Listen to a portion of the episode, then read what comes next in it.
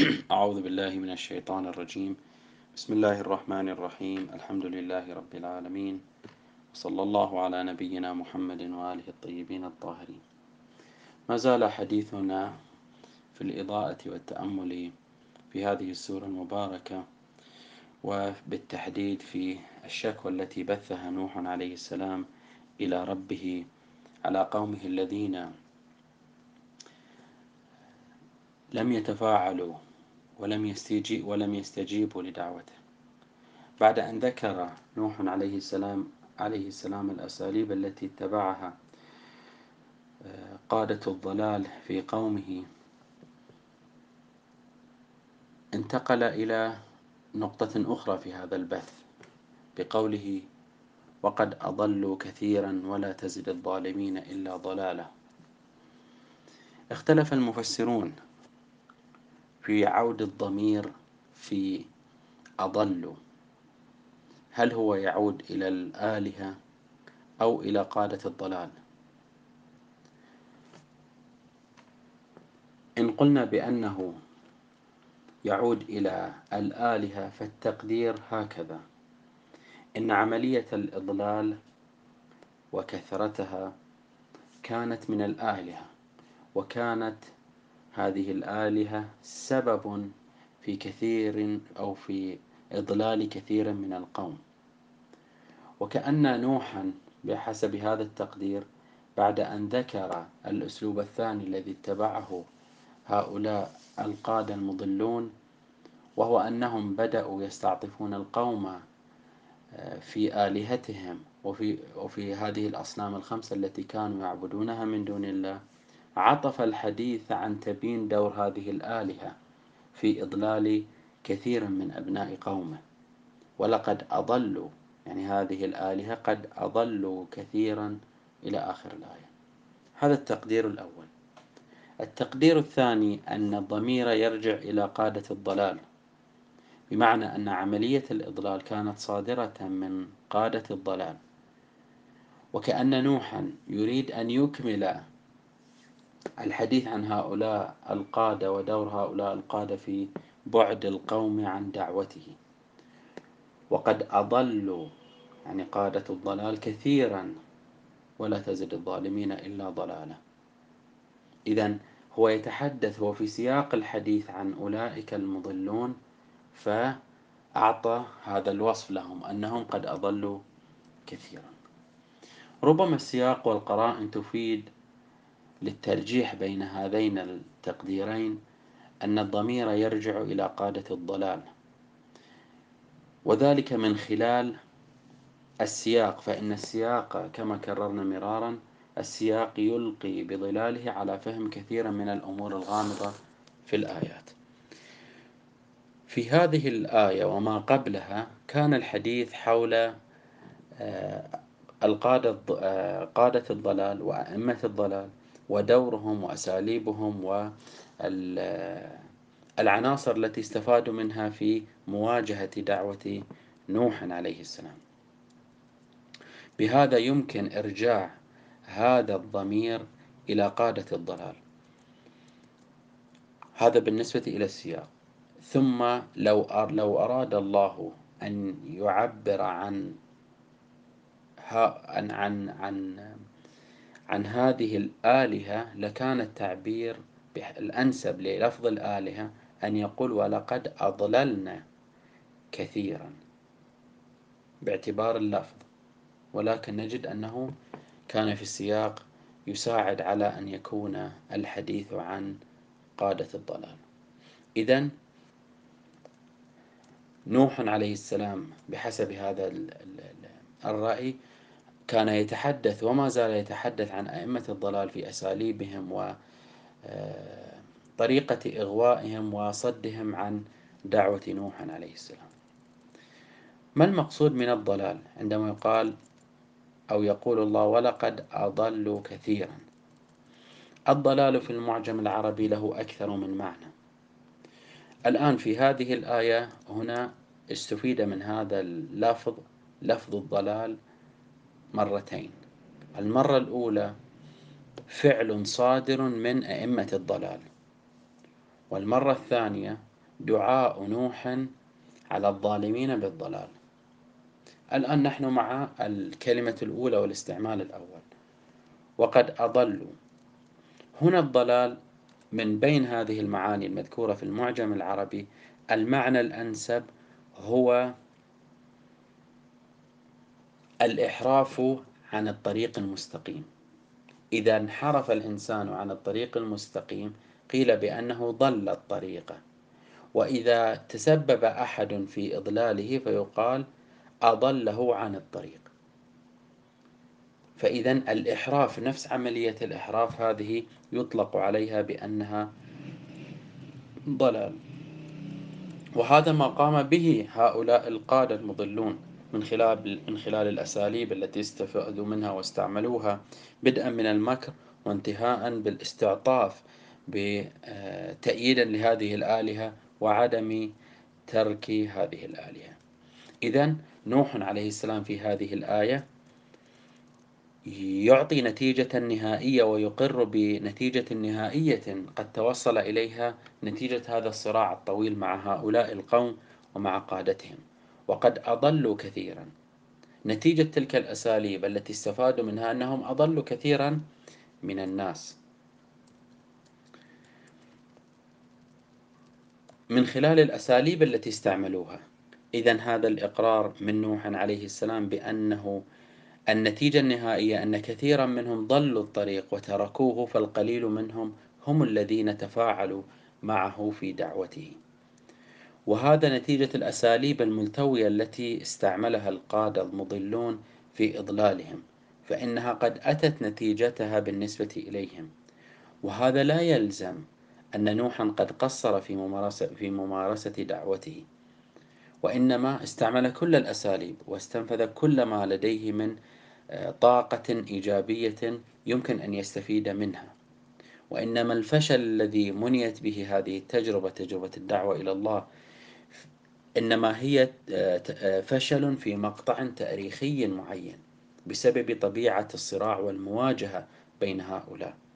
إذا كان الصراع بين قوتين قوة, قوة الخير وقوة الشر فإن قوة الشر سوف تستعمل كل الأساليب التي تأتي تحت قدرتها لكي تبعد الناس وتحرف الناس عن دعوة الخير. دعاة الخير لا يمكنهم أن يستفيدوا من الأساليب والأدوات الملتوية وغير الشريفة في أنهم يدعون إلى دعوتهم الخيرة. خصوصا ونحن نتحدث عن مشروع إلهي تغييري جذري. لا يمكن أن يستفيد إلا من خلال الت... من خلال الأدوات المشروعة إذا هو إقرار من نوح عليه السلام بأن تجربته في الدع... في دعوة قومه لم تتحقق. الله سبحانه وتعالى كان يريد منه أن يهدي هؤلاء القوم هو لم لم يستطع أن يهديهم. هذا ال... ال... هذا الفشل في هذا في في دعوة نوح في هذا المقطع التاريخي لا يعني أنها قد قد انتهى الصراع بين المشروع الإلهي ومشروع الانحراف وإنما مشروع الدعوة مشروع نوح عليه السلام آه، يحقق نجاحته نجاحاته من خلال تراكم هذه النجاحات. من خلال تأصيل المشروع الإلهي في حياة الإنسانية. دعوة نوح التي مضى عليها الآلاف من السنين ما زالت حية وما زالت مسجلة في تاريخ البشرية. ما زال لها حضورها. إذا الانتصار ليس في مقطع تاريخي وإنما الانتصار في المحصلة النهائية. نوح هو حلقة ضمن سلسلة من من الدعوات التي سوف يبعثها الله سبحانه وتعالى من أجل هداية هذه البشرية. إذا يمكن أن نقول بأن هذا نعم إقرار من نوح بأنه لم يستطع أن يهدي القوم كلهم نتيجة الظروف الموضوعية التي واجهته في تلك الفترة. ثم بعد ذلك في هذه الآية ينتقل الحديث ويأخذ صبغة أخرى وهو صبغة الدعاء. هنا نوح يبدأ بالدعاء على الظالمين. ولا تزد الظالمين إلا ضلالا. هي دعوة من نوح من نوح عليه السلام على الظالمين بأن لا يزيدهم الله سبحانه وتعالى إلا ضلالا. هنا السؤال من هم الظالمون الذين ابتدأ نوح بالدعاء عليهم؟ هل هم قومه عموم قومه أو أنهم قادة الضلال؟ هنا المفسرون طرحوا احتمالين. احتمال أن يكون الضال أن يكون الظالمون هم المقصودين واحتمال أن يكون قادة الضلال.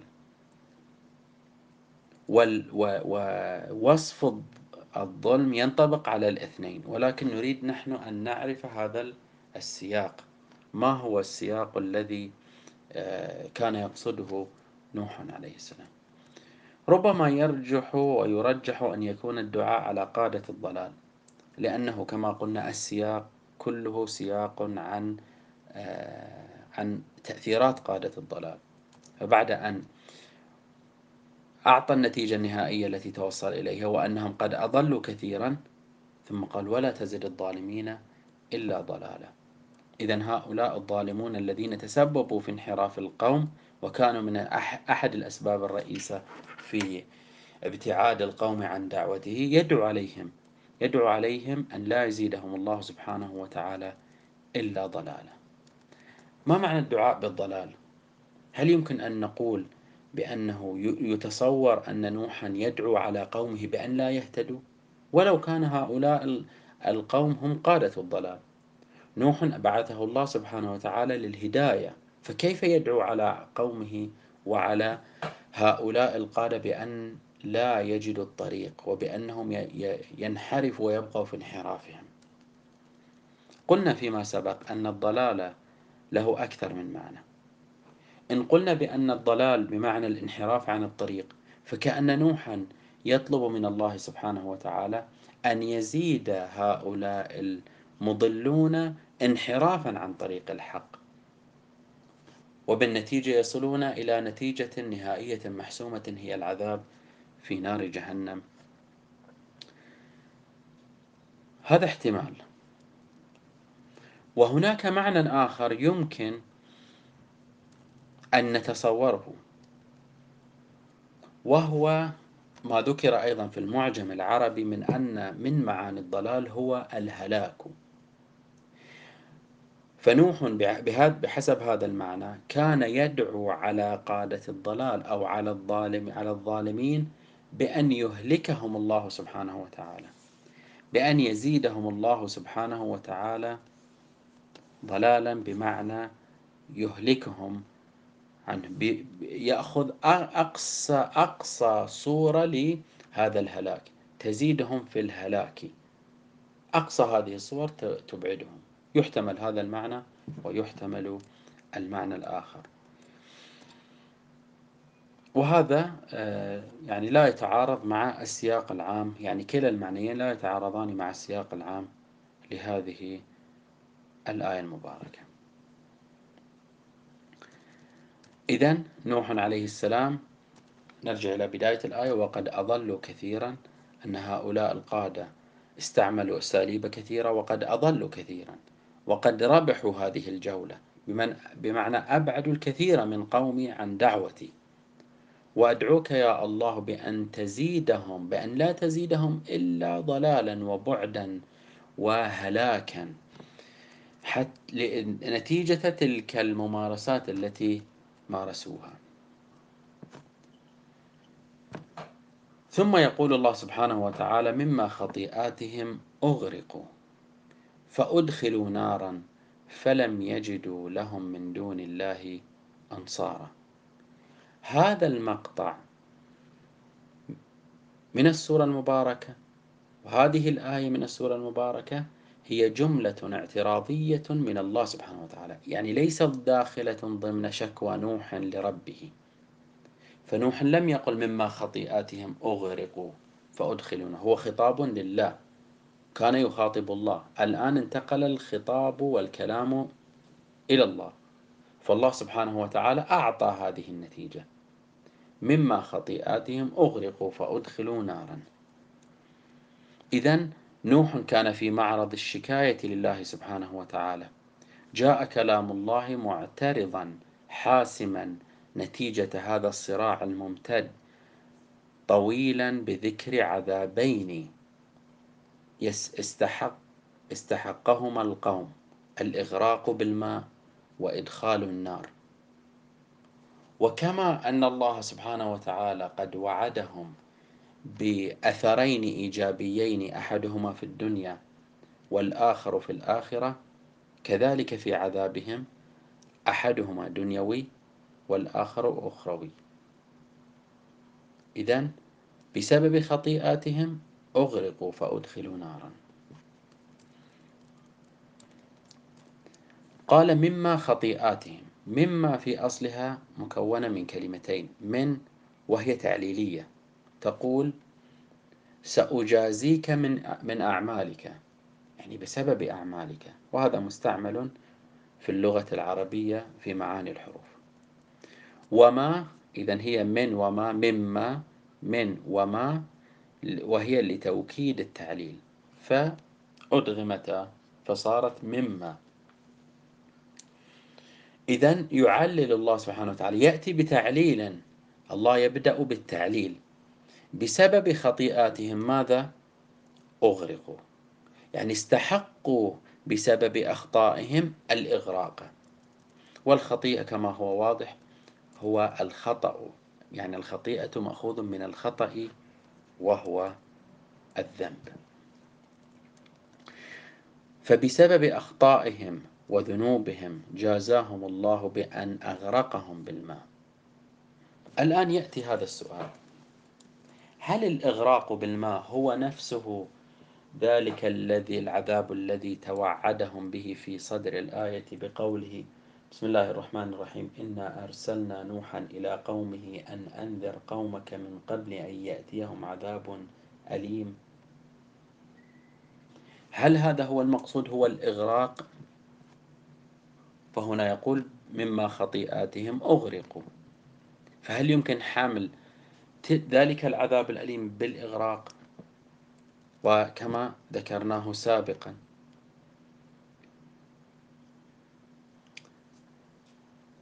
أو لا.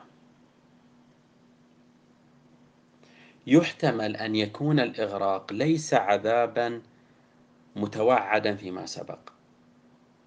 لأنه عبر عنهم يعني نتيجة خطئهم وذنوبهم نتيجة خطئهم وذنوبهم أغرقهم الله سبحانه وتعالى. إذا نحن نتحدث عن ليس عذابا لرفضهم أصل الدعوة وإنما لصدهم ورفضهم لتلك الأساليب التي سار نوح معهم بها. نوح استعمل أساليب متنوعة. هذه الأساليب المتنوعة رفضوا الأسلوب الأول رفضوا الأسلوب الثاني رفضوا الأسلوب الثالث رفضوا الأسلوب هكذا هذه كانت أخطاء وذنوب بالنسبة إليهم بالإضافة إلى ذنوبهم السابقة. فوصل الحد بهم أن الله سبحانه وتعالى قرر أن يميتهم بهذا الأسلوب نتيجة أخطائهم. فهنا لعله ليس الحديث عن العذاب الأليم الذي قاله الله سبحانه وتعالى أنني سوف يأتيكم عذاب أليم. سوف يأتيكم عذاب أليم وهذا العذاب الأليم لا يدفعه عنكم إلا قبولكم لدعوة نوح لأننا قلنا سابقا بأن كما ذكر بعض المفسرين بأن إتيان العذاب إتيان العذاب لا يكون إلا في عذاب الآخرة.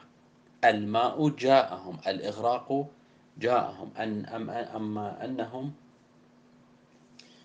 آه، ذهبوا إلى ذهبوا إلى نار جهنم يذهبون إلى نار جهنم. إذا يحتمل هنا أن الإغراق ليس هو العذاب الذي توعدهم به وإنما هو هذه نتيجة طبيعية بأنهم قرر الله سبحانه وتعالى أن يميتهم بهذا الأسلوب نتيجة أعمالهم. كما لتقريب الفكرة كما موجود هو في أدبياتنا الدينية بأن هناك بعض بعض الأعمال تجعل ميتة الإنسان بطريقة معينة كما هو وارد في بعض الروايات. أنه من يفعل هذه الأفعال يموت بطريقة حسنة ومن يفعل هذه الأفعال يموت بطريقة سيئة. ربما الآية كانت في هذا الصدد. إذا نقرأ الآية مما خطيئاتهم أغرقوا. بسبب أخطائهم تحتم عليهم أن يموتوا بهذه الطريقة. ثم بعد ذلك يعقب الله سبحانه وتعالى بالفاء فأدخلوا نارا. هذه الفاء للتعقيب والمباشرة يعني أغرقوا فانتقلوا بعد الإغراق إلى النار فأدخلوا النار.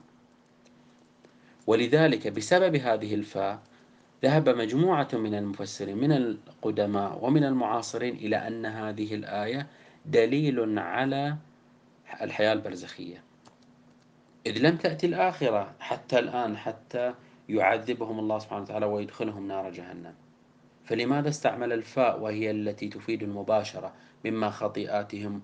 أغرقوا فأدخلوا نارا. فأدخلوا يعني مباشرة بعد الإغراق. هذا ما تبناه كثير من المفسرين بأن هذه الآية في هذه الآية في هذه الآية في صدد الحديث عن حياة البرزخ والنار هنا نار برزخية.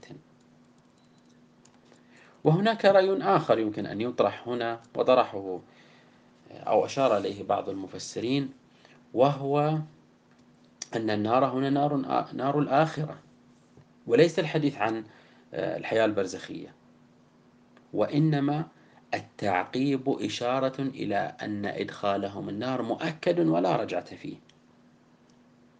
فكأنه اعتبرهم بمجرد أن يغرقوا فكأنهم قد دخلوا النار. فلا رجعة فيه سينتظرون مصيرهم ونتيجة أعمالهم وهي وهو الدخول إلى النار. وهو لا محالة لن يتراجع فيه الله سبحانه وتعالى. وما يؤيد هذا المعنى أو هذا هذه الإضاءة هو أنه قال لهم أنه لا طريق لكم لأن يدفع الله عنكم هذا العذاب الأليم إلا أن تلتزموا بدعوة نوح عليه السلام. إذا نحن نتحدث عن النار الآخرة وليس الحديث عن نار البرزخ أو غيره. إذا هذه النار هي التي توعدها الله سبحانه وتعالى للقوم بأنه سوف أنه قرر في حقهم عذاب أليم إن لم يستجيبوا لدعوة نوح عليه السلام. وما يؤيد ذلك وما يؤيد أن ما ذكره في الآية الأولى من أن العذاب هو عذاب هو النار وليس الإغراق هو أنه وصف العذاب وقال من قبل أن يأتيهم عذاب أليم. والعذاب الأليم يناسب النار. وأما الإغراق فهو نتيجة خطئهم وليس من المقطوع به أن يكون أن يكون الإغراق عذابا لهم. وإنما العذاب هو عذاب جهنم أو عذاب وإدخالهم إلى النار. مما خطيئاتهم أغرقوا فأدخلوا نارا. بسبب أعمالهم تجاه نوح عليه السلام أغرقهم الله أماتهم بأسلوب الإغراق. وبعد أن أغرقهم تحتم عليهم وانسدت عليهم كل الطرق لأن آه، يفروا من ذلك القرار الإلهي بأن يعذبهم عذابا أليم بإدخالهم النار. فلم يجدوا لهم من دون الله أنصارا. بعد أن قرر عليهم الله سبحانه وتعالى هذا القرار وهو إغراقهم وإدخالهم النار أنه لا ناصر لهم مما سيحله الله عليهم من إغراق ودخول في النار. وربما التعبير فلم يجدوا لهم من دون الله أنصارا إشارة إلى القادة المضلون لهم وآلهتهم التي التي اللاتي كانوا يعبدونها من دون الله سبحانه وتعالى. يريد أن يعطينا الله سبحانه وتعالى درس بأن إذا حل ما أراده الله سبحانه وتعالى فما هو دون الله وما هو دون طرق الله سبحانه وتعالى وأنبياء الله لن يكون هناك رادع لهم. وكأنه قد حتم عليهم الدخول بالنار من دون أي شفاعة ربما تدخل إليهم بحسب ما تشير إليه ويستفاد من الآية المباركة. إذا مما خطيئاتهم أغرقوا فأدخلوا نارا فلم يجدوا لهم من دون الله أنصارا. بعد ذلك ينتقل ينتقل الحديث مرة أخرى لإكمال بث نوح لشكواه لله سبحانه وتعالى وقال نوح ربي لا تذر على الأرض من الكافرين ديارا. والحمد لله رب العالمين.